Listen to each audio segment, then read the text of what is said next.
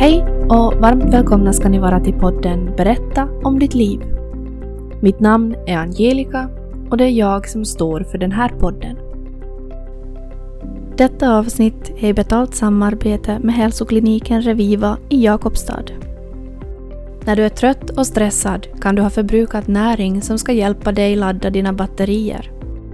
Reviva är ett hälsoföretag som har många års erfarenhet av stress och utbrändhet. Vi vet att bland annat magnesiumbrist förser kroppen i anspänning, vilket kan göra att vi får en försämrad återhämtning och vila. Reviva har plockat ihop ett välbeprövat antistresspaket som ni lyssnare kan beställa till ett billigare lyssnarpris. Ni får minus 20% rabatt med rabattkoden VÄGRA väggen. Dessutom så får ni lyssnare också 10% rabatt på hela sortimentet med samma rabattkod. Rabattkoden är i kraft hela oktober.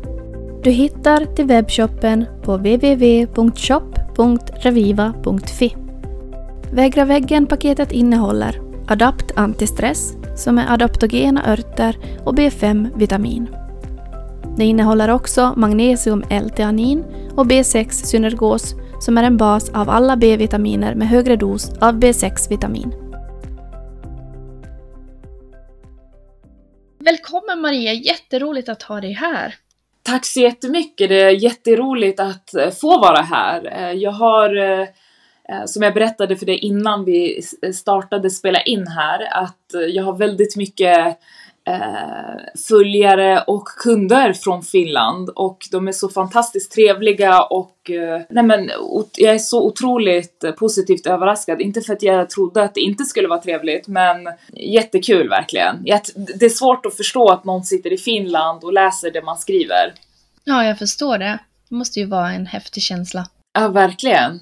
Man tänker inte på att man kan svenska i vissa delar av Finland heller, man glömmer bort det någonstans. Ja, jo det är faktiskt något som, som jag tycker jag stöter på fortfarande idag då man besöker Sverige. Så det är värsta chocken som man kan få av eh, svenskar att va? Pratar du svenska? liksom, jag förstår ju vad du säger.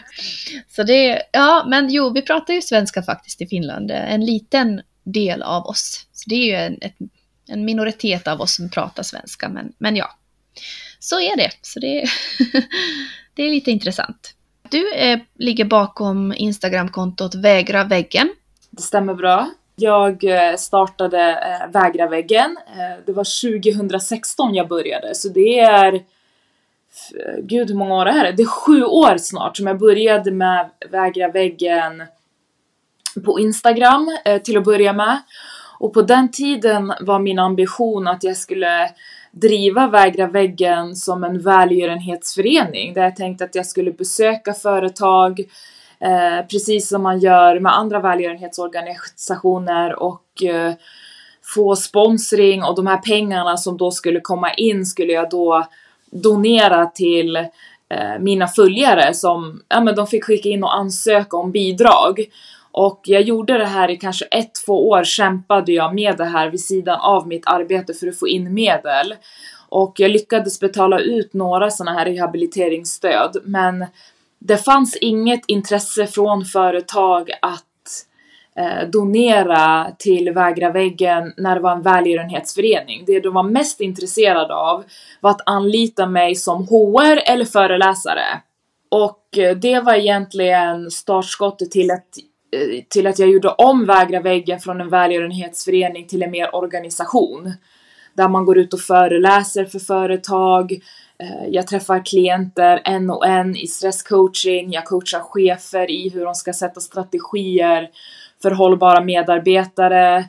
Jag eh, också har varit på ett företag faktiskt där jag skapat en stressportal som en wiki, Wikipedia, vi kallade det för Stressipedia där deras medarbetare ska kunna logga in på den här portalen och komma till så här, liksom, hur sätter jag gränser? Hur ska jag jobba med prioriteringar? Hur ska jag jobba med min tillgänglighet och allt det här som ökar produktiviteten samtidigt som det minskar stressen.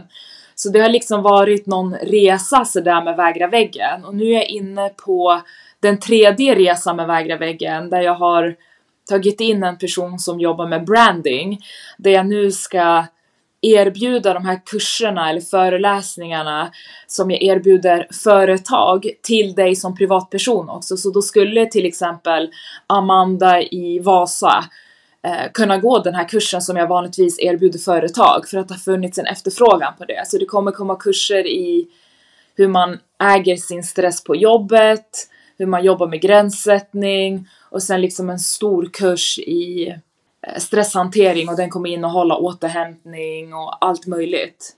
Så så ser resan ut från att jag började tills där jag är idag egentligen. Okej, okay, men jätteintressant, verkligen. Vill du berätta lite mer också om, om dig och hur du har... Ja, jag har förstått att du, du har väl också varit utmattad? Ja, det stämmer bra. Jag har också gått in i väggen så att säga. Jag, det var 2016. Jag, jag vet inte om många vet om det här men mitt jobb så att säga. Jag är HR-chef och har jobbat med HR i 15 år nu.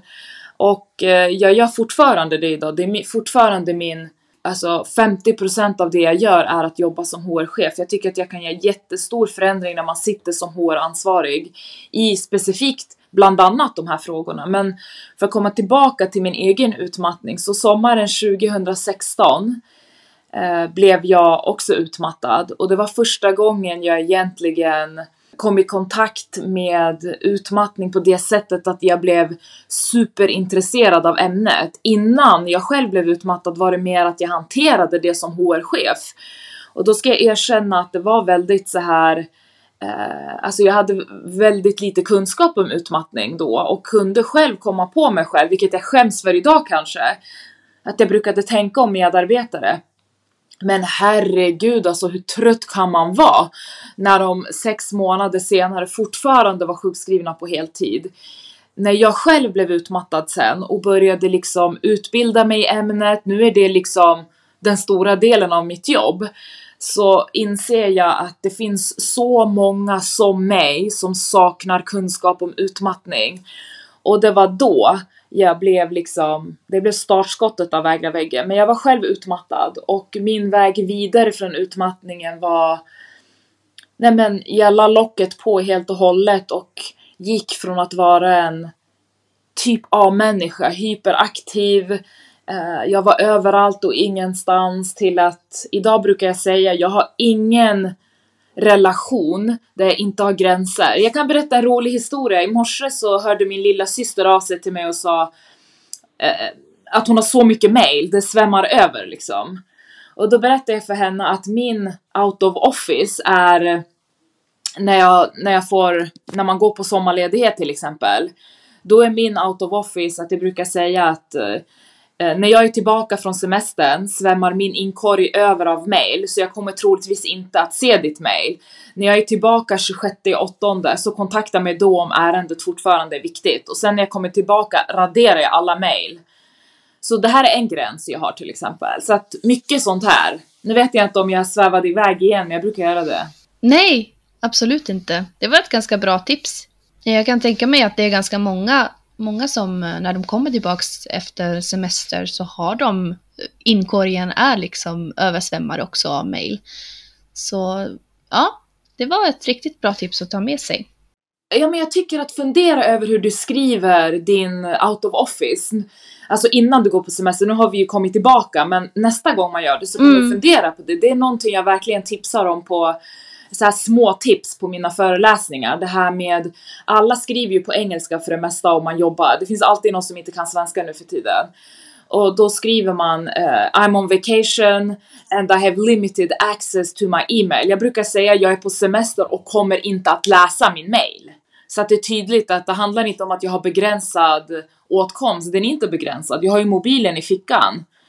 Så att jag vill sätta en gräns där att jag kommer inte titta på min mail liksom. Ehm, så det är ett bra tips. Det är jättemånga som har tagit, tagit det tipset och lagt det på sina out of office och när de kommer tillbaka de bara paraderar allt. Mm. mm. Ja men vad skönt om man kan göra så. en sak som jag också vill, vill tipsa om här så är ju också att är man, har man en, eh, alltså det är ju jättemånga som har till exempel företag eller har en, en högre uppgift på sin arbetsplats. Och eh, alltså som inte har någon skild arbetsmobil. Så alla samtal kommer till eh, privata mobilen. Och det är ju jättetungt, vet jag av egen erfarenhet också. Då man har att alla meddelanden, alla mejl, alla samtal kommer till egen mobil. Så man har ju aldrig ledig tid då heller. Eh, exakt. Det är så det blir, att man alltid är tillgänglig. Så att då, då är det viktigt att du sätter gränser för din tillgänglighet. Det är därför jag eh, skickar in den där out of office. Det är, det är ingen av oss det är en annan sak om du jobbar till exempel inom vården, akut, akutvården, du vet. Där handlar ju dina ärenden om att Eh, minuter är viktiga för personers välmående. Men jag menar, jag jobbar på HR, på techföretag. Det är aldrig så att någon dör imorgon. Så att om någon har skickat ett mail till mig i början av juli och jag är tillbaka i augusti, ja då troligtvis är det inte så viktigt. Så tänker jag i alla fall. Det är min, det är min gräns. Och folk brukar säga till mig, ah, du är så himla duktig på att sätta gränser. Och jag vill bara säga till alla som lyssnar att kunna sätta gränser handlar inte om att eh, jag är duktigare än dig. Jag tror att det handlar mer om att jag har tränat mer än kanske just dig som lyssnar och känner att det är jätteläskigt att sätta gränser. Jag brukar säga att gränssättning, det, det är som att träna upp sin beslutsamhetsmuskel och sin självrespektsmuskel någonstans. Och ju mer gränser du sätter, desto bättre kommer du bli på att både sätta dem och upprätthålla dem. Och många brukar fråga mig, ja jag får så dåligt samvete när jag sätter gränser. Och då brukar jag säga det är bra att få dåligt samvete, det betyder att du bryr dig. Eh, och det går liksom inte att bli av med det där dåliga samvetet när man säger nej till en person man egentligen vill hjälpa, utan det viktiga är då att lära sig hantera sitt dåliga samvete, till exempel förklara för sig själv med så self-compassion. Varför behöver jag den här gränsen? Jag säger inte nej till Angelica för att jag inte tycker om henne. Jag säger nej till Angelica just nu för att jag har inte energin att kunna hjälpa henne. Och det här är otroligt viktigt när man börjar jobba med gränssättning. Så jag ville bara skicka med det till alla som lyssnar. Ja, men jättebra tips. Och det berör ju inte bara arbetet utan det, det rör ju allt i livet. Alla relationer också. Att eh, man orkar ju inte alltid finnas för de man bryr sig om. Och det är ju något som man kanske önskar att man kunde. Men som du sa, man måste kunna sätta gränser också när man inte orkar. Exakt. Och det är det här som är så viktigt att jag jobbar väldigt mycket på att jag specialiserade mig lite på gränssättning för att jag såg att det var liksom en otroligt viktig del för mig när jag tog mig vidare från utmattning. Att sätta gränser för hur mycket jag tränar, hur mycket jag tittar på TV, hur mycket jag umgicks med folk. För att många människor tror att återhämtning bara handlar om att göra saker man tycker är kul. Men jag tycker att det är jättekul att åka till London och gå eh, prova på massa nya restauranger. Men när jag var eh, mitt uppe i stressen, jag blev helt utmattad av det. Så att det är också någonting man måste tänka på det här med eh, återhämtning, att vad egentligen, hur mår du efter den här aktiviteten? Det är det som avgör om den har gett dig energi eller tagit din energi. Mm. Ja, och det, men det är också något som jag kände när jag var utmattad, att eh, man har ju inte samma ork heller, eller man har ju absolut inte samma ork om man säger så. Det blir ju väldigt lätt att man tappar intresset för att göra, göra vad som helst. Även de roliga sakerna som, som man tycker om att göra. Och där är det väl kanske också viktigt att man, man ibland när man känner att man har ork, att man vågar liksom utsätt, utmanar sig själv för att göra någonting som man normalt sett tycker är roligt. Inte för ofta, men att man ändå inte helt bara stannar upp och inte gör något. Eller vad är din åsikt om det? Jag tycker att det där du säger just nu är jätte, jätteviktigt. Jag brukar prata ofta eh, med mina eh, coachingklienter, stresscoachingklienter som jag träffar en och en i samtal. Att eh, att jag hade speciellt en person som gick hos mig som hade varit utmattad länge och var livrädd för att göra saker för att den här personen var rädd för hur den här, personen skulle känna efter aktiviteten. Och då brukar jag säga att man kan när man har varit stressad och ser hur dåligt man mår. Det kan ju vara otroligt mycket läskiga symptom. Man kan vara yrslig. Det är massa fysiska symptom som många tänker, och vad är det för fel på mig? Eh, men där är det otroligt viktigt att till exempel våga gå på den här konserten som var den här personens eh, eh, ville gå på en konsert men var livrädd för att gå på konserten för att personen inte visste hur den skulle må dagen efter och var livrädd för att vakna upp och må dåligt igen och trodde att ska jag börja om igen. Så att, och då gick den här personen på konserten och efteråt vaknade upp och kände Wow, jag klarar av att gå på konserter. Så precis som du säger, att våga ibland när man har börjat må lite bättre, inte direkt när man har blivit sjukskriven, utan när man börjar må lite bättre, att våga ut, inte, ja, men utmana sig själv och prova på saker igen så man kan komma tillbaka till livet. Annars blir det lätt så att man ut, eh, utvecklar en form av stresshypokondri. Att man är livrädd för att gö göra saker med rädsla för att bli sjuk i stress. Det, det, det är otroligt, otroligt mm. viktigt. Så att det är jättebra att du lyfter det där. Mm. Jag, jag måste också erkänna um för jag har ju också varit chef över ett företag som jag berättade till dig om innan vi började spela in. Och jag kände igen mig i det som du sa om att även fast du då innan din utmattning hanterade och hade liksom ansvar över andra som, alltså i, på jobbet som blev utmattade. Så det var lite samma för mig också, att jag kunde, ofta så kunde jag känna, men hjälp att hur kan du vara så trött igen? Eller man, man, man kan inte... Det är jättesvårt att sätta sig in i, i någon som är alltså i den sitsen som någon utmattad sitter i om man inte har den egen eh, erfarenheten själv. Och det är ju något som jag har lärt mig den hårda vägen nu också eftersom jag själv har erfarenhet av utmattning. Och det tror jag också är väldigt svårt på stora arbetsplatser främst där det sitter då någon som HR-chef till exempel som inte har varit i samma sits. Och det, jag tror det är många anställda som kan känna igen sig i det att de inte blir bemötta på rätt sätt. Det, det tror jag definitivt att det, det, är alldeles för många som känner igen sig i det. Att man går till eh, Eh, att arbetsgivaren, cheferna säger kom till mig när ni är stressade, när de kommer till chefen och berättar att de är stressade och tycker att det är för mycket just nu så kan ett, chefen kan vara stressad själv och bemöta dem med alla har mycket just nu. eh, Eh, och någonstans förminska deras känslor av att är det bara jag som inte klarar av det här? Vilket är ett huvudproblem. Då går folk tillbaka och fortsätter jobba för att man intalar sig själv. Det är bara jag, alla andra verkar ju klara det här. Och det är så det fortsätter tills man inte längre orkar. Jag brukar säga att om man lyssnar på sin kropp när den viskar att någonting är inte okej, okay, då behöver det inte gå så långt att man behöver sätta allt på paus när kroppen har börjat skrika, det vill säga man har hamnat i en utmattning.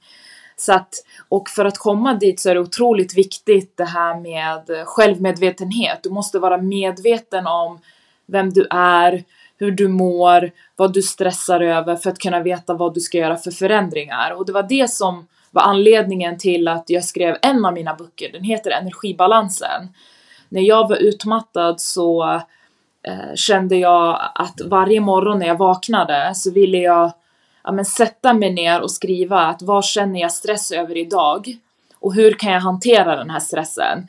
Det gjorde att jag fick kontroll på läget, jag fick en känsla av kontroll. Och eh, lite grann det här med att jag var så van att prestera så fruktansvärt mycket hela tiden för att tycka att jag var okej. Okay. Jag hade värderade, jag satte mitt värde som människa i vad jag presterade, vilket också är otroligt, otroligt vanligt. Och då skapade jag i den här boken som en del som heter prestationsbalansen, där jag med verktyg som jag förklarar där eh, tydliggör för hur man kan känna sig good enough.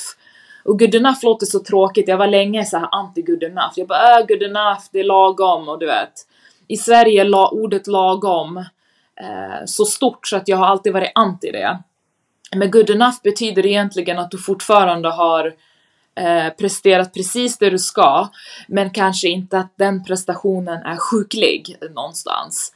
Så det var anledningen till att jag tog fram den här boken för att hjälpa andra och jag har förstått att många har fört in den här som en del i sin morgonrutin. Att liksom sätta sig ner och se över sin dag och liksom känna att man, eh, man får kontroll. Och eh, under dagen så kan det ju såklart hända nya saker. Men den typen av stress brukar kallas för situationsstress. Att det dyker upp en situation. Du går i skogen och ser en läskig man till exempel, eller kvinna eller vad det nu när man känner är läskigt.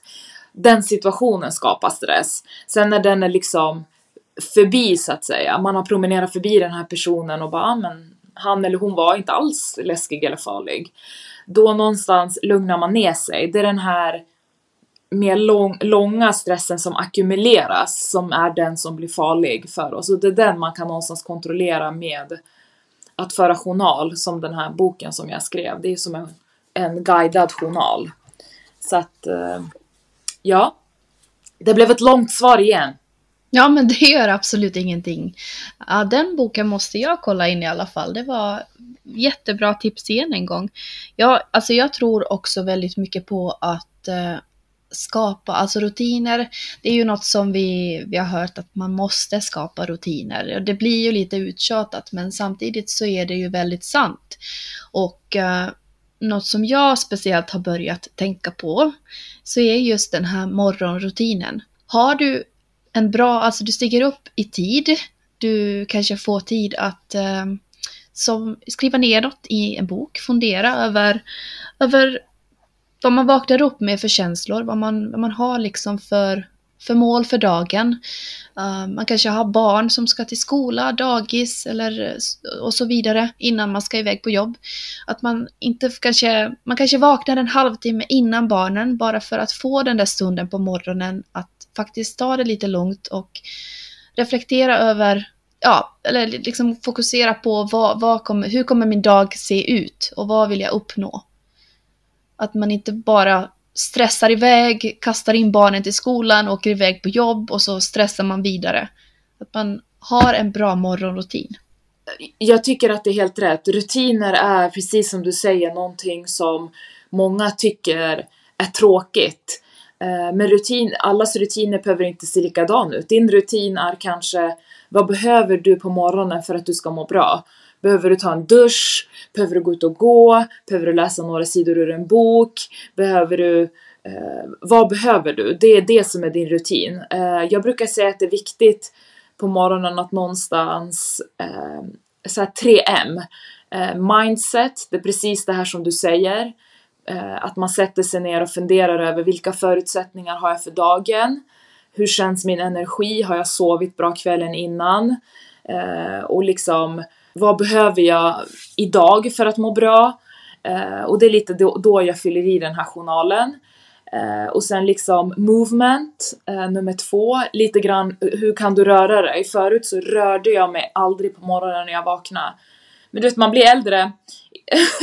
man måste, jag rör på kroppen efter att jag legat stilla en hel natt så vi pratar att jag rör mig kanske två minuter. Jag tar som en sån här grej och bara liksom stretchar ryggen, eh, stretchar ut eh, och liksom ingenting mer, ingenting mer än så. Att man liksom bara får igång eh, kroppen liksom. Och sen sätter mig ner och dricker en kopp te och jag är en människa som äter frukost, så jag äter faktiskt frukost. Eh, jag vet att många inte gör det, men jag dricker inte kaffe.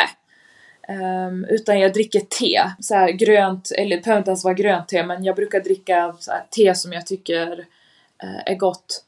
Um, hallon, raspberry tea är min favorit just nu, eller kamel Kanel, kamel. Jag dricker inte kameler på morgonen. Kanel och äpple.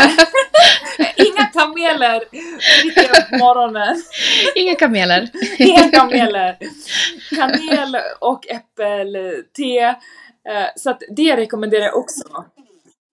Eh, så, att, eh, så det är också precis som du säger ett tips. Få till en morgonrutin, men det viktigaste som jag har märkt när det gäller rutiner för mig, det är hur jag gör på kvällen innan jag sover. Eh, för att jag, jag har märkt, ibland har jag också testat för att bevisa för mig själv att ja, nej men det stämmer. Om jag är vaken längre än 11, jag vet att många pratar om 10, men för mig är det 11 för jag är en mer kvällsmänniska. Om jag är vaken längre än 11 det påverkar hela min eh, eh, morgondag. Och om jag på kvällen har tittat på eh, någonting på TV, typ eh, eh CIA-film eller någonting som är så här väldigt actionorienterat. Jag gillar mycket sånt här, underrättelsetjänstfilmer och sånt.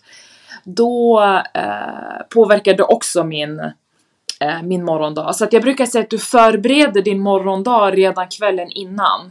När du stänger ner mobilen, hur du, vad du utsätter dig för stimulans, vad du tittar på och hur sent du äter. Det kommer påverka din sömn, vilket i sin tur påverkar din morgondag. Och jag trodde inte på sånt här. Jag bara, ja, ja, det är flum. Precis som du sa. Men sen så har jag testat för att bevisa för mig själv, så det kan jag också kanske skicka med som ett test.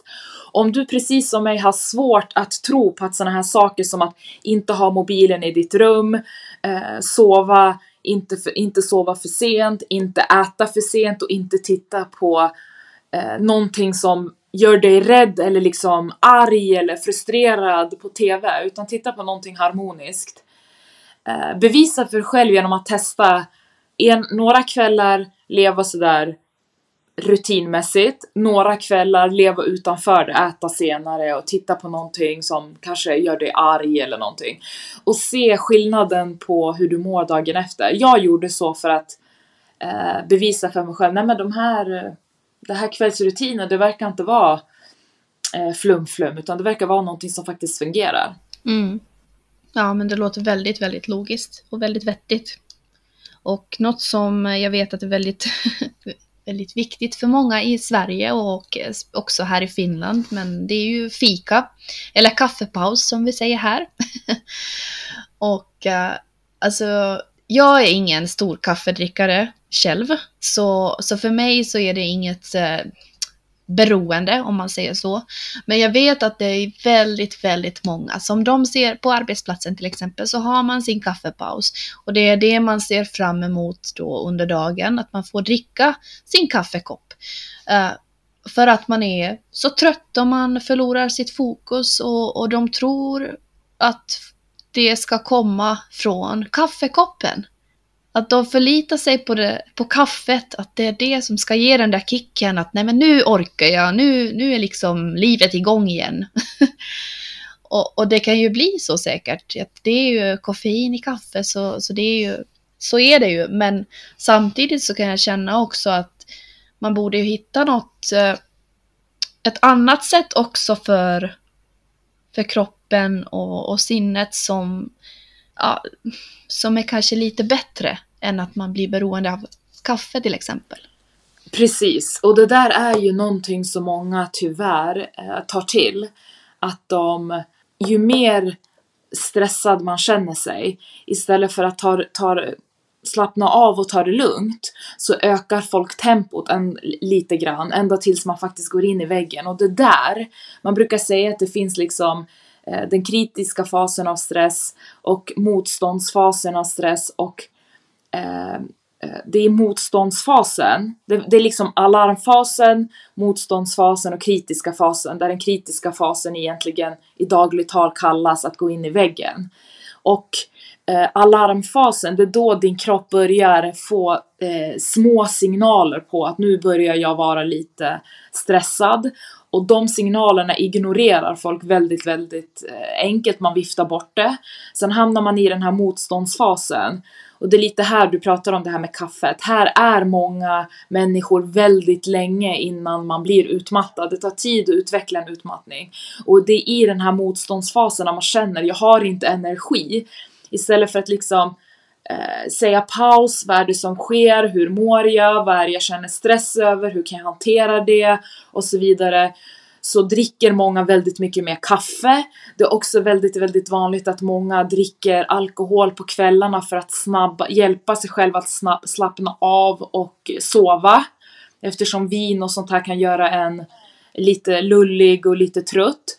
Så här har vi den fasen där istället för att liksom våga lyssna på sin kropp så har folk svårt att acceptera att eh, jag börjar må så här och då hjälper sig själv, tänker man, eh, genom att dricka mer kaffe eller genom att eh, eh, dricka mer alkohol. Det har jag också sett. och, och, och sådana saker. Och man tänker att nej, men jag kanske behöver bara träna mer för att bli piggare.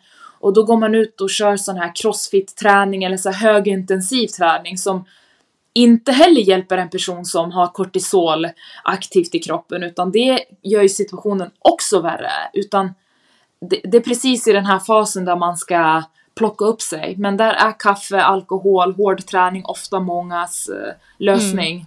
Mm. Mm.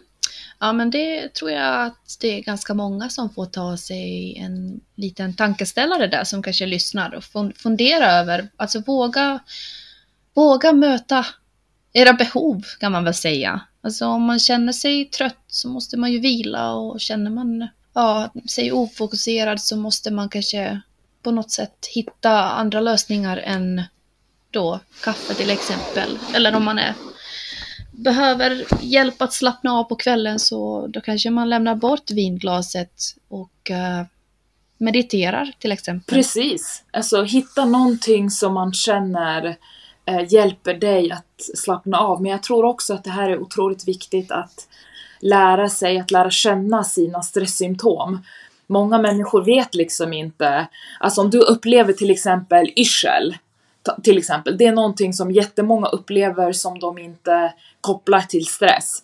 Då tror de att de har lågt blodtryck, brist på järn och så vidare. Och när man är stressad så tummer ju kroppen, tums ju kroppen på vitaminer också för att du jobbar för snabbt så allting bara liksom rinner av dig och då kan man ju bli liksom få typer av olika typer av bristämnen och så vidare. Så jag brukar rekommendera alla att om du känner dig, du behöver inte ens känna dig stressad. Du följ dig själv under två veckor. Försök liksom dela upp din dag i tre delar liksom. Eh, lunch, innan du går för jobbet och innan du lägger dig. Att du skriver ner situationer fram till morgonen till lunchen. Vad har jag känt stress över? Vad gav min kropp för symptom? Och hur hanterade jag situationen? Och när man har gjort det här i två veckor så känner många, eh, ser många snarare, eh, en röd tråd i det de har skrivit upp. Att man till exempel är frustrerad på någon kollega, arg på mejlen eller stressad för att skjutsa barnet till eh, gymnastikträningen eller fotbollsträningen, vad det nu än må vara i, i ditt liv. Bråkar med sin partner om Eh, städ och disk och matlagning och så vidare. Det är en otroligt, otroligt effektiv övning för att komma närmare vad som just stressar dig och vad du får för symptom på stressen. Eh, blir du aggressiv? Blir du tystlåten mer? Eh, vad får du för fysiska symptom? Går pulsen upp? Blir du yrslig? Får ont i magen? Vad det nu än må vara. Det här är ett bra tips för att någonstans då när man kommer till den här motståndsfasen, när man dricker mer kaffe för att hjälpa sig själv till exempel. Då är man medveten om att man är stressad och man vet hur stressen i ens liv ser ut. Mm. Ja men det kan jag hålla med om. Jag börjar städa. Jag hatar att städa normalt. Är det ditt så här, symptom? Så, ja, jag har aldrig haft intresse för att städa. Men när jag blir frustrerad och irriterad Ja, då börjar jag städa. Storstäda. ja. Men det är ju bra att man kan känna igen. Man vet vad man behöver liksom. Och det är ju ett bra stresssymptom om man säger så, för det blir ju rent. Men ja, det är ju på fel.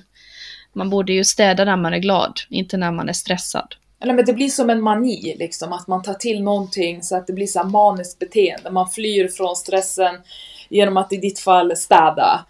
Ehm, så att det, det, är liksom det som blir kanske, även om städning är positivt, man mår ju faktiskt bra av att ha det rent runt sig. Det är också en stress, eh, stressavslappningsmetod. Man brukar säga declutter på engelska. Det finns inget bra ord.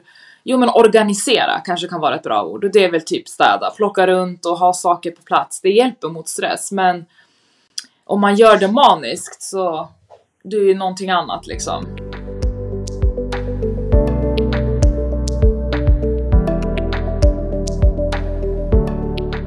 Men hur skulle du beskriva en bra chef? Jag skulle beskriva en bra chef um, för att det jag tycker är bra eh, kommer du inte tycka kanske är bra. Jag, jag är en förespråkare av någonting som heter situationsanpassat ledarskap. Och det här betyder inte att chefen ska eh, anpassa sig efter allas individuella behov. Men om vi tänker till exempel att jag som medarbetare har behov av eh, uppföljning med min chef en gång i veckan medan du till exempel bara har behov en gång i månaden. Då är det det som jag tycker är att man har anpassat sig efter situationen. Att möta medarbetarna utifrån deras behov. Eh, det tycker jag är viktigt. Sen tycker jag att det är väldigt viktigt att en chef låter alla få komma till tals. För eh, en hel del chefer tenderar att lyssna mest på de som låter mest och det behöver inte betyda att bara för att man låter mycket att det man säger är vettigt utan skapa liksom psykologisk trygghet i gruppen så att alla vågar komma till tals och att det alla säger är av samma värde. Det behöver inte betyda att man går vidare med alla initiativ utan mer att alla får komma till tals. Jag tycker att det är en chef som eh, har förmåga att skapa tydlighet i vad som förväntas och också skapa tydlighet i vad alla i gruppen gör så att man, det inte behöver råda någon oenighet i vem som är ansvarig för vad, vilket tar bort väldigt mycket konflikter. Eh, ibland kan det vara så men det där är ditt jobb och det här är mitt jobb och sen så börjar folk tjafsa. Det tycker jag också är viktigt. Sen tycker jag också att det är viktigt med en chef som vågar visa sig själv sårbar. Att han någonstans normaliserar att i den här gruppen är det okej okay att tycka att det är för mycket att det inte ska någonstans straffas utan att man ska våga lyfta saker även om de är svåra. Eh, och sen så tycker jag att det är viktigt med en, att en, en bra chef som vågar ta tag i problem när de kommer. Inte liksom sätta skygglapparna på och tänka att bara för att jag inte ser det så finns det inte. Eh, utan agera på situationer vart efter de dyker upp. Det skapar också väldigt mycket förtroende och tillit. Ehm, så att eh, det här skulle jag säga är viktiga egenskaper hos en chef. Och eh, också glömde jag att eh, om man, många chefer säger min dörr är öppen, min dörr är öppen och sen så är de alltid på möten och inte tillgängliga. Att eh, istället för att practice what you preach så brukar jag säga att preach what you practice. Så att det inte liksom blir falskt. För många är så bara, ja, de bara säger det, de menar det inte. Men om du bara lyfter det du faktiskt gör, då får man större förtroende för dig. Så det här skulle jag säga spontant är några saker hos en bra chef. Mm. Ja, men tack för det. Ja, så det är det någon som är chef som lyssnar nu så ta till er vad Maria sa. För det, det är väldigt sant vad hon säger. Och det kan jag ju känna igen mig i också. Eh, då man själv har varit chef. Och det, det är jättesvårt att vara chef och, och göra alla till lags. Det, det, kan man aldrig, det kan man aldrig uppnå heller. Men det viktiga är att man försöker och att man, som du sa, att man lyssnar på alla. Det, det är något som jag har varit väldigt, väldigt mån om också. Och att man inte tror som chef att min väg är den enda rätta vägen. Att det också finns de som, alltså anställda som kan ha en bättre lösning än dig, även fast det är du som är chef. Exakt. Och att någonstans ha sin väg klar för sig. Att bara för att jag lyssnar på en person. Eh, många människor vill känna sig lyssnade och hörda. Det behöver inte betyda att alla förslag som man har implementeras utan oftast handlar det bara om att få känna att man får komma till tals. Och många gånger eh, handlar det också om det här med, som jag sa, situationsanpassat ledarskap. Eh, det handlar inte om att ha 20 lösningar för alla, men att någonstans det här med distansarbete till exempel, det är en jättehet potatis för de som har möjlighet att jobba på distans, tjänstemän till exempel på kontor. Där är det så att många chefer nu, arbetsgivare, vill ha medarbetare tillbaka till kontoret. Och många medarbetare vill inte komma tillbaka till kontoret för de har ju sett att det fungerar att jobba lika bra hemma. Men då är det många chefer som tänker att de vill se sina medarbetare eh, för att tro att de jobbar. Men bara för att du ser dem behöver det inte betyda att de jobbar. Och naturligtvis så är det säkert många som inte jobbar hemma, men det finns också många som jobbar hemma. Så här är det viktigt för chefen till exempel att vad är det de här personerna ska utföra då? Om man vet vad de ska göra, då kommer man också veta vilka som jobbar.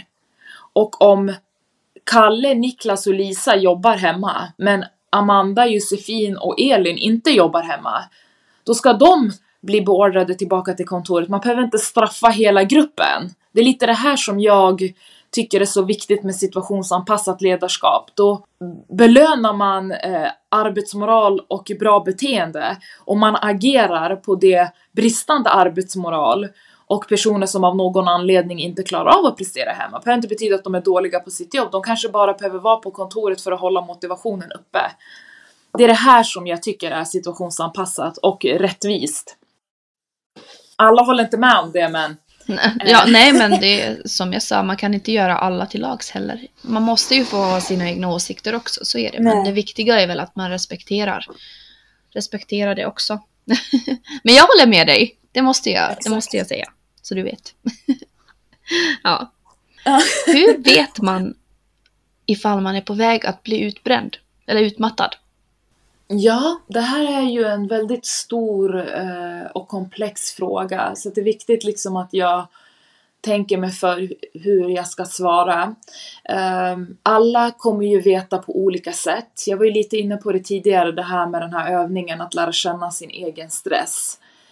Men jag brukar säga att när, eh, när man eh, börjar känna sig likgiltig, ingenting intresserar en, sånt som tidigare har intresserat en, känns liksom inte längre intressant.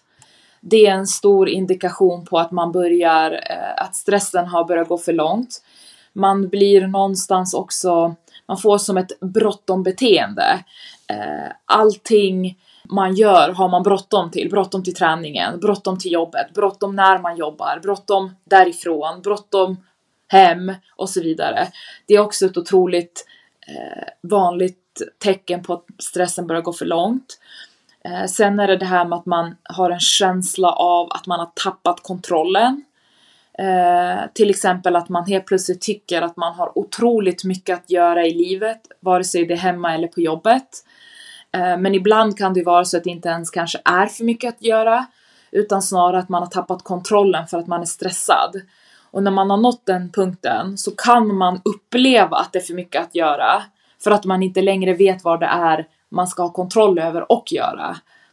Det kan också vara det här att man, vi pratade om det tidigare, dricker mer kaffe eller andra substanser för att orka och för att slappna av. Eh, när man hamnar här, eh, då börjar man prioritera bort sömn, motion eh, och mat för att eh, hänga med, ha mer att göra. Eh, och kort stubin. Till exempel en sån enkel grej som att eh, eh, wifi eller wifi, wifi slutar fungera så blir man galen och tror att hela världen är emot en. Det här skulle jag säga är otroligt, otroligt vanliga tecken på att stressen har gått för långt. Mm. Ja, nej men jag håller med om det. Och en sak som jag ville tillägga också som jag, uh, som jag upplevde så var att jag glömde jättemycket saker. Jag blev dement. Jag kunde boka in ett möte nästa dag och eh, plötsligt så knackade på dörren nästa dag och där stod någon som jag skulle eh, ha möte med men jag hade ingen aning om vad det var för möte. Så det var, det var jättejobbigt för mig.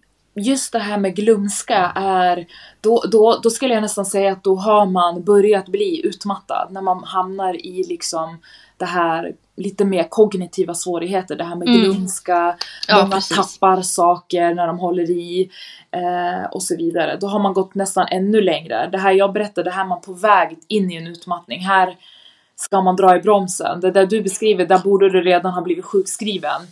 Och det här med, det här med intryck, ljud, man orkar inte med ljud, eh, ljuskänslig, det är mycket sådana som eh, saker som tillkommer när man har gått väldigt, väldigt långt. Och här vill jag också faktiskt lägga till att många av de här beteendena kan sitta i även fast man har tagit sig vidare från utmattningen. Att man kan vara fortsatt ljud och ljuskänslig och minnet eh, att man kan ha problem med minnet också, utmaningar med minnet. Det kan fortsätta. Även, jag vet inte hur det är för dig, men det kan vara så långt efter att man eh, har rehabiliterat sig så att säga. Mm, ja men så är det. Mm. Och jag tror det är ganska vanligt också att, uh, att folk driver sig för långt. De, de sjukskriver sig inte utan de, Det går så långt att man inte kan stiga upp ur sängen på morgonen. Det är då som man sjukskriver sig. Och det är ju då som det är för sent. Och det blir de här långa sjukskrivningarna också. Mm. Precis. Det är exakt så det här. Det tar nästan dubbelt så lång tid att komma vidare som det, som det är när man tar sig in liksom i väggen. Mm. Varför tror du att siffrorna för mental ohälsa och sjukskrivning har ökat så mycket de senaste åren?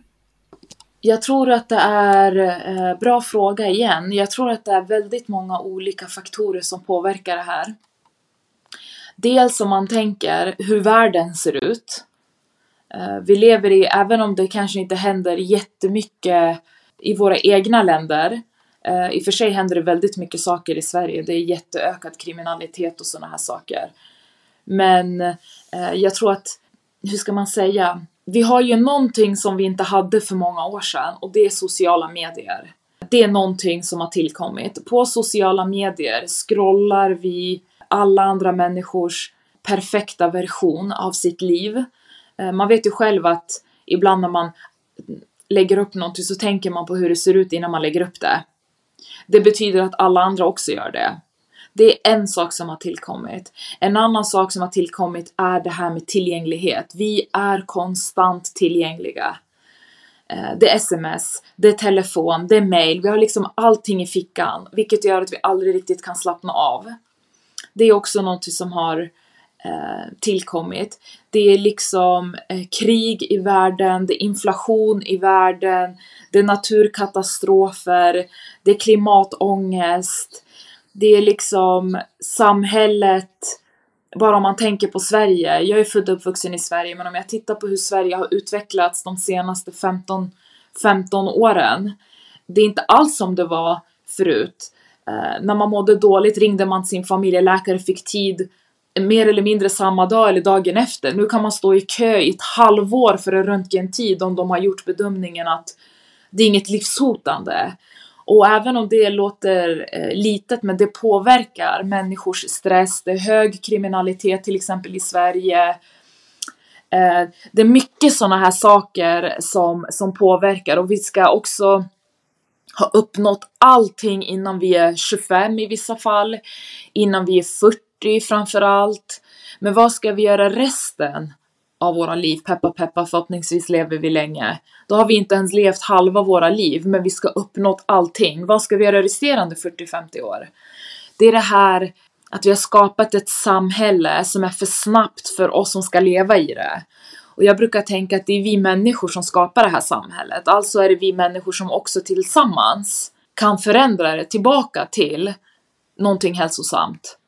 Jag menar om min chef mejlar mig 22.00 på kvällen och ber mig att jag ska titta på någonting 9 på morgonen innan 9 på morgonen dagen efter. Jag har tidigare varit en person som då såg till så att jag höll koll på det här. Men idag, massa år senare när jag jobbar med det här, utbildar kring det här, Ja, men om han mejlar 22.00 på kvällen, då, då är inte det min arbetstid. Men då när jag kommer 9.00 dagen efter, då har inte jag haft möjlighet att jobba med det här för jag, det har inte varit min arbetstid. Och det låter jätteläskigt och det är jätteobekvämt att ge sin chef den feedbacken. Men du, du, du har rätt att ge den feedbacken. Då kommer chefen också lära sig. Ja, ah, Maria läser inte mail på kvällarna ändå. Så att jag tar det med henne på morgonen när hon kommer. Och jag brukar säga att någons, någon annans dåliga planering behöver inte bli min sense of urgency. Och jag lever mycket utifrån det här, men då är vi tillbaka igen till gränssättning. Men det här tror jag, Angelica, är några av de faktorerna som påverkar hur, hur vi, vi människor mår. Ibland brukar jag ha en så här, eh, inte populär åsikt, men jag brukar säga så. Jag tittar på mina föräldrar och min mor när de levde. De levde liksom ett, i byn kan man säga. Och det enda de hade brukar de berätta att de såg fram emot dagen efter när de visste att de skulle ha råd att ha olivolja på sitt bröd. Och det är en extrem situation naturligtvis. Men ibland brukar jag tänka att vi har det för bra. Alltså vi har liksom vi lever inte i länder just nu eh, där vi inte kan äta, vi har mat, vi har liksom tak över huvudet de flesta av oss. Att vi liksom någonstans då fokuserar på sådana här ohälsosamma eh, ohälsosamma saker. Jag vet inte, jag tänker otroligt, otroligt mycket på det. För varför är det så att människor som inte har någonting är lyckligare än oss som har inom situationstecken allting? Förstår du hur jag tänker? Mm, absolut. Det är så sant som du säger. Och där kan jag, jag måste tipsa om en eh, tv-serie som jag kollade för eh, ett halvår sedan tillbaks som heter Exit. Jag vet inte om du har hört om den? Eller om du har sett den? Nej, jag har inte hört det. Vad handlar den om då? Det, jag, jag tror det är en, en norsk serie, det är också svenska skådespelare med i den. Den handlar om, eh, det är väl fyra eller fem affärsmän i Norge som eh, främst jobbar alltså med aktier. Och de är riktigt bra på det de gör. Och de har massa, massa pengar. Och den här serien, ni som har sett den, så vet hur spårad den är också. För de här männen har så mycket pengar så de vet inte vad de ska göra med sina pengar. Och det leder ju i sin tur till att de blir väldigt olyckliga. De gör jättemycket extrema saker som spårar ur och det spelar liksom ingen roll hur mycket pengar eller vad de än gör så de blir aldrig mätta. De ska bara ha mer och mer och mer. Och det är kanske lite samma som jag tänker som du pratade om också att, att vi behöver inte ha mycket för att vara lyckliga. Och det är något som jag också personligen har upplevt eftersom att jag har haft företag och man har haft en stadig inkomst. Idag så är jag långtidssjukskriven, för tillfället är jag arbetslös. Men jag är lyckligare än vad jag har varit på många år. För jag har tid för mina barn. Jag behöver inte köpa allt som finns i affären. Jag kan leva här och nu tillsammans med min familj. Och det är något som jag är väldigt tacksam över att jag har lärt mig. Mm. Ja men det är exakt precis det här du säger att vi lever konstant i en strävan. Vi är aldrig i nuet. Vi strävar alltid, okej okay, nästa. N när jag får det ska jag göra det. När jag får det ska jag göra det. Och det är många människor som då jag var precis så när jag skrev min bok Vägra väggen, min första bok, det är två år sedan nu den kom ut, 2021, men det tar ju ett, två år att skriva en bok. Så under den resan så var jag så att jag var så fokusera på snart kommer min bok ut och när den boken kommer ut så kommer den sälja så här mycket och när den har sålt så här mycket så kommer jag skapa det här och det här och det här vilket gjorde att när boken kom ut så kände jag mig så här som många som jobbar mycket med mål och sånt där tom. Jag kände mig tom. Jag bara, men nu har jag nått allting. Varför är jag inte glad? Men det är för att då har jag det redan eh, jobbat upp vad jag skulle till härnäst. Så att det är också precis någonting som jag känner att jag jobbar med mycket nu som du säger. Att jag behöver inte så mycket. Vad behöver jag för att må bra? Och vad är det som får mig att må bra och varför? Jag vill alltid veta varför. Varför har jag satt den här gränsen? Hur mår jag om jag inte har den? Varför vill jag bo i till exempel, jag har en dröm om att bo på landsbygden i England och skriva eh, romaner, eh, du vet, jag drömmer väldigt mycket. Eller ha ett så här mysigt, ja men så här stressretreat på engelska landsbygden och bjuda in folk från eh, alla möjliga delar av världen som kommer dit två, tre dagar och liksom Eh, jag lär dem de sakerna som har hjälpt mig och så vidare. Sen har vi liksom en trevlig stund några dagar. Allt sånt här eh, skulle jag aldrig ha för några år sedan. Då skulle jag säga att jag ska bli HR-direktör på jag vet inte vilket bolag. Ibland kan jag hamna tillbaka till att jag har den drömmen också. Men då vill jag veta varför. Varför vill jag gå det spåret? Så att jag tror att det är viktigt för de som lyssnar att också känna vad behöver jag ha för att må bra och varför? Utmana eh, tycker inte det är fel att känna att eh, jag känner så jag vill äta bra mat. Förut var det inte så, men jag känner nu så jag vill äta bra mat för att jag känner att när jag stoppar i mig någonting som är liksom bra så mår jag bra. Och så helt plötsligt har mina matkostnader ökat, du vet. Trodde jag aldrig skulle hända. Men det har de. Så att, eh, ja. Mm. Jag svävar iväg ibland men det är min personlighet. Nej men det, det får man göra, absolut. det brukar jag också göra.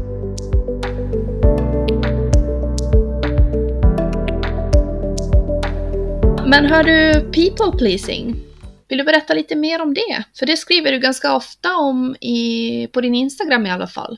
Och det tycker jag är något som är väldigt intressant. Mm. People pleasing, precis. Det här är en het potatis med people pleasing. Jag skriver väldigt, väldigt mycket om people pleasing på min sida just för att jag själv har eh, brottats mycket med det här med eh, people pleasing. Och det handlar ju väldigt mycket om det här att man ger avkall på sina behov för att behaga andras eller möta andras behov.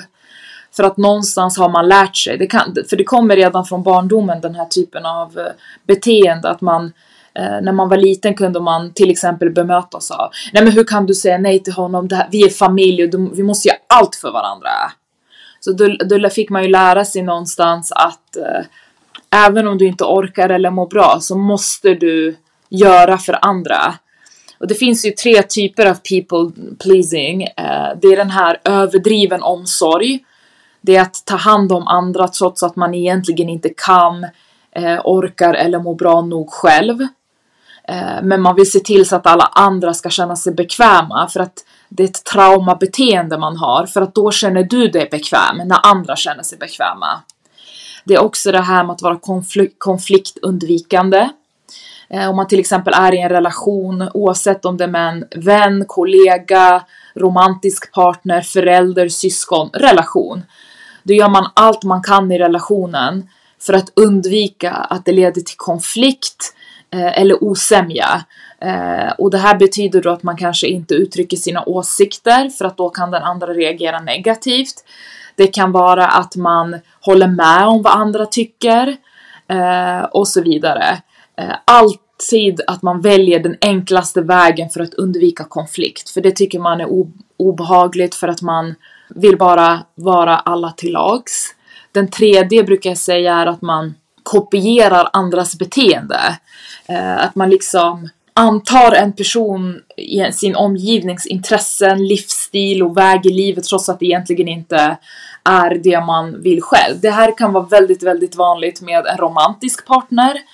Att man någonstans i sitt sätt att behaga honom eller henne Ja, nej men ja, ja absolut, vi åker till Skottland och vandrar. Eller men gud, jag älskar att eh, klättra. Eller jag vill verkligen ligga på stranden i 35 graders värme. Man gör saker som man egentligen inte vill bara för att möta den andra för att man är så rädd för att kanske bli lämnad eller kanske det blir en konfrontation eller så. Och det här med people pleasing, jag brukar säga att det är ett traumabeteende. Och trauma för många, eh, många tror att trauma bara är att man har varit med om någonting jätte jättedramatiskt, alltså att flygplanskrasch, en brand, eh, någonting sånt här extremt. Men trauma kan också vara att du inte har fått dina känslor mutta. Så att om jag skulle sammanfatta en people pleasing cykel så är det man tackar ja till något man egentligen inte vill för att inte göra andra besvikna. Sen känner man agg mot sig själv, man är arg på sig själv för att man sa ja igen. Sen så lovar man sig själv, nej jag ska aldrig mer säga ja när jag inte vill. Och sen så upprepar man ändå beteendet. Så ser liksom loopen ut när man är fast i den. Och allt det här leder ju till stress. Mm. Ja, ja precis. Hur ska man eh, hur kan man, alltså är det gränssättning då som är lösningen? Det finns ju många olika typer av lösningar beroende på rotorsaken till varför du brottas med people pleasing. Men jag tycker att det, det viktigaste är det finns ju inga quick fix på sådana här, såna här saker och många av de klienterna som jag träffar, vi jobbar otroligt, otroligt mycket på att liksom avvänja invanda beteenden och sätta nya beteenden. Och då är det viktigt att man liksom går till kärnan med det här för att förstå varför är du en, har du liksom people pleaser tendenser? Eh, och vad behöver du göra för att ta dig därifrån? Då är gränssättning en av de, eh, en av de sakerna eh, som man jobbar väldigt, väldigt aktivt med. Men det första steget är nog att bli eh, self-awareness, medveten om varför gör man så här och i vilka situationer gör man så? Då brukar jag börja där någonstans och sen så lära de här klienterna att börja med liksom relationer där du inte är så emotionellt investerad. Till exempel en kollega. Istället för en chef eller en mamma. Mm. Ja, men det kan ju vara som sista bossen i ett spel som man spelar. Så det, det kan kännas Exakt. så övermäktigt att möta någon. Så det, ja, det krävs mycket, mycket övning. mycket, mycket övning och om man aldrig har liksom jobbat med gränssättning så, eh, så kan man ju mötas av motstånd av den som du sätter gränsen mot. Som säger men gud du har förändrats, vad är det här för beteende? Du höll aldrig på så här förut. Det de inte vet är att du kanske under alla dessa år har behövt den här gränsen men inte av någon eh, för att du inte har vågat sätta den så tänker de att det här är ett nytt beteende för nu börjar du visa vem du egentligen är. Och det här gör att man förlorar väldigt mycket relationer på vägen och många är jätterädda för det. Men det brukar jag säga till dem, så som det, funger- så som det är just nu fungerar ju inte och du mår inte bra av det. Och sen så kan man också fundera över vilka är ens så kallade feelbads, att man liksom bestämmer sig för att det brukar oftast vara en mamma till exempel. Att det spelar ingen roll vilka gränser jag sätter mot min mamma, hon kommer inte att förstå. Jag vill att man alltid provar först. Men sen om man kommer dit, då kanske en mamma är en sån här person beroende på vad det handlar om. Det kan ju vara extrema saker eller saker som man kan lära sig acceptera. Hon förstår inte, utan då brukar jag säga det är dina så kallade feelbads, att du accepterar att din mamma säger men gud alltså varför har du inte städat här bort om du till exempel inte är nöjd med din städning? Att du då accepterar, ah, ja, hon håller på så här. Men hur kan du då hantera de känslorna som du vanligtvis brukar uppleva när du får höra det här av din mamma? Att du liksom då igen kommer tillbaka till att jobba med self-compassion. Att du istället för att gå in i den här vanliga frustrationen efter att du har träffat din mamma då till exempel. Det är den vanligaste relationen där många accepterar feelbads. Där efteråt, ja nu klagade hon på min städning igen då om man tar det som exempel. Hur ska jag hantera frustrationen som jag känner här så att jag kan vara kvar i den relationen? Det är otroligt, otroligt vanligt också liksom. Mm, nej men intressant. Mm. Hur tycker du att man ska bemöta någon med utmattning på bästa sätt? Ehm, jag tycker att man eh, inte ska ge folk råd. Eh, hålla på och säga, men har du tagit C-vitamin eller D-vitamin eller vad det nu är. Eh, inte komma med så amatörpsykologråd. Sov bättre. Det tycker jag att man inte ska göra. Det viktigaste sättet att möta någon på är att hur ska man säga, acceptera att personen är utmattad och säga att eh, jag finns här för dig och låt mig veta hur jag kan hjälpa dig. Om du har möjlighet att hjälpa. Det tycker jag är det, det eh, mest humana sättet att bemöta någon med utmattning. Inte så ja ah, men hur länge ska du vara trött? Du har ju varit trött i flera veckor. Gör det där så mår du bättre. Utan mer släppa över bollen. Jag finns här för dig. Låt mig veta hur jag kan hjälpa dig. Om du vill. Mm. Ja, ja, men det låter väldigt vettigt det också. Jag kan ju tillägga vad man inte ska göra. Som både jag och en väldigt nära vän till mig har blivit bemötta. Och det är just att, eh, att man jämför någon som har varit utmattad med till exempel mig. Ja, men den personen var utmattad så och så länge och eh, började jobba. Och då blev det bra. det är typ det värsta man kan få höra. Att man blir jämförd med någon annan. Otroligt, otroligt. Eh, alltså det, det är katastrof. Med allt det där som har med att komma med råd, eh, liksom ifrågasätta någons utmattning och jämföra den med någon annans. Det är liksom, det är som att jämföra eh, Eh, äpplen och päron, det går inte. Vi vet ju inte varför du har blivit utmattad eller hur länge du var stressad innan du blev utmattad. du Vet. Men, men det är oftast det folk gör. De kommer med råd. Ibland kan det också vara av välvilja, att de kommer från en bra plats. De tror att det hjälper. Så kommer de med de här råden. Och sen så jämför de. Men hon gjorde så, ska inte du prova det? Eh, det som funkar för andra behöver inte funka för dig heller. Så att, så är det. Det är de tre sakerna liksom. Komma med råd, jämföra med andra och liksom förminska vad någon känner. Att man liksom säger, ja men vadå, du verkar inte ens, du verkar inte ens ha stressigt jobb. Ja, men precis. Hur vet man när man mår tillräckligt bra för att ja, återhämta sig? Eller börja återgå till jobbet kanske? Mm.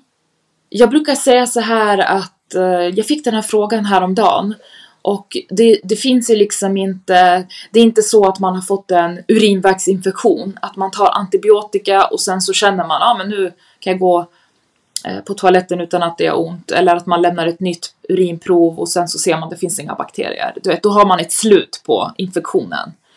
När det gäller utmattning så är behandlingsmetoderna kan vara individuella och olika. Men jag brukar använda som tumregel att om jag kan utföra mina vardagssysslor diska, städa, laga mat, duscha, titta på, alltså klara av att titta på TV, kanske läsa, gå ut och gå. Om jag klarar av mina vardagsbestyr utan att jag behöver en så här, återhämtning i en, två dagar. Då börjar jag tycka att man börjar bli redo. Jag brukar använda det som tumregel. Det är ju det som är så svårt med utmattning. För man vet ju aldrig hur länge det tar. Och det är ju det som omgivningen många gånger vill veta. Ja, men hur länge har du tänkt vara sjukskriven? Eller ja, när ska du bli bra igen? och det blir ju väldigt frustrerande för man vet ju inte. Det kan ta en vecka, det kan ta tre månader, det kan ta ett halvår. Man, man, man kan ju inte sätta ett datum på när man är frisk. Precis, och det, det här tillhör lite det där vi sa innan, det här med förminska inte hur någon mår genom att fråga när tror du du kommer tillbaka? Hur länge kommer du vara sjukskriven? Men hur kan du vara utmattad? Utan här är det otroligt, otroligt individuellt. Men jag, tror, jag har lärt mig och sett på många att det, en bra tumregel är just det där att när du klarar av din vardag utan liksom att bli helt utmattad, apropå utmattad, så börjar det bli dags att kanske kunna återgå till jobbet 25%. Uh, och det är viktigt också att förstå att bara för att man har en dålig dag så behöver, för många blir ju sådär, man får panik i början, att när man har en dålig dag så är man rädd för att man ska börja om från början. Utan det tillhör rehabiliteringen att ibland ha dåliga dagar. Mm. Jag skulle vilja skicka med folk att Eh, börja fundera över eh, vilka situationer som skapar stress för dig och hur du behöver sätta gränser. Att liksom blicka inåt och känna efter. När jag umgåtts med efter, när jag umgåtts med vilka, alltså vilka situationer får dig att känna ångest, eh, frustration, il, ilska, bitterhet, ja men såna här eh, Eh, så kallade svåra känslor. De situationerna är en indikation på att allting inte står rätt till i den här situationen och fundera över vad behöver du sätta för gränser. Jag skulle vilja kanske att alla som lyssnar på den här podden eh, under september som kommer snart, det är väl på fredag i september, att man under september, nu vet jag inte, det är kanske är folk som lyssnar som sätter jättemycket gränser, men att man ska identifiera en gräns som man behöver sätta. Och det är viktigt att förstå att gränser handlar om dig. Det handlar inte om att du ska förändra eh, någon annans beteende. Så nu ska jag ta ett extrem exempel på, på till exempel det. Eh, det brukar till exempel vara att mm, det här var en av de senaste gränserna jag hade med en av mina klienter som sa att eh, när eh, den här personen går ut så eh, Eh, med sin partner så dricker den här partnern. Och då är gränsen inte kanske att säga till partnern jag, jag vill att du ska sluta dricka. Det är mer kontroll. Utan det handlar om att jag kommer inte gå ut med dig när du dricker. Då har man satt en gräns för då kommer hon förändra sitt beteende. Hon kommer inte gå ut med honom när han dricker. Så vill han gå ut och dricka då får han gå utan henne. För om man hade sagt jag vill inte gå ut uh, och uh, jag kommer inte gå ut med dig när du dricker. Hade man sagt om du dricker då blir det hot istället. Så att det är det som är så viktigt med gränser att lära sig uh, formulera dem. Jag kommer ha en kurs i gränssättning online som alla kommer gå, även folk från Finland här inom kort. Så håll utkik. Men jag skulle skicka med det att uh, identifiera en gräns du behöver sätta under september månad. Och att också allting behöver inte gå snabbt. Ibland är det bättre att saker och ting tar tid. Resultatet blir bättre i slutet. Jag kan säga det av egen erfarenhet att jag sprang förut, men det jag gör nu går bättre när jag promenerar långsamt. Mm. Ja, men det håller jag med om. Det var något som jag upplevde också. Jag sprang fram och nu så, så promenerar jag. Och jag får lika mycket gjort i alla fall. Om inte mer. Precis, samma här. Mm. Ja. Mm. Men Maria, tusen tack för att du ville vara med i podden. Jag har lärt mig så mycket idag och jag hoppas att våra lyssnare tar till sig vad du har sagt. Och eh, så önskar jag dig en jättefin höst. Och eh, vill man följa Maria så får man jättegärna gå in på Vägra väggen. Och eh, har man kanske frågor till dig så får man ta kontakt. Det finns väl, jag hittar din e-mail någonstans på din Instagram-sida också tror jag. Absolut. Det, det lättaste stället att hitta mig på är på eh, Vägraväggen på Instagram och Facebook och LinkedIn. Och eh, jag måste erkänna och säga, apropå att vi pratar om gränser, att jag är otroligt dålig på att svara på DM och sånt här. Just för att jag får nästan 50 till 100 per dag ibland. Och det är omöjligt för mig att svara på de här, så en av mina gränser är att jag de bokar coaching tim timmar med mig då istället för annars behövde jag sitta på heltid och bara svara på DM på Instagram. Så det är en av gränserna jag har apropå preach what you practice. practice. Men eh, annars finns jag tillgänglig där och jag har frågestunder och, och uppdater. Ibland när jag ser, även om jag inte svarar på allas mail så jag har ingen möjlighet tyvärr, jag önskar att jag kunde så ser jag vad folk skriver och ibland så ser jag att det är en röd tråd och gör jag inlägg om det så att man kan se liksom därifrån istället. Så så är det. Men jag vill önska dig också en fin höst Angelica och tack för att jag fick komma till din podd. Eh, och jag uppskattade att prata med dig. Du verkar vara en fantastisk tjej, så trevlig. Så det är det. Alltså tusen tack igen till dig, verkligen, för att du ställde upp och ville vara med. Jag hoppas att, uh, att du tyckte det var intressant. Jag hoppas du kommer få fler följare också. Följare också. Ja, jag bara, eh, jag brukar tänka så här, om jag har hjälpt en människa, då är jag, då är jag nöjd. Så um, av alla som har lyssnat, de som kommer lyssna, om en känner att den har fått med sig någonting, då har vi, då har vi lyckats Angelica. Ja, men det tror jag verkligen. Jag tror att det är fler än en.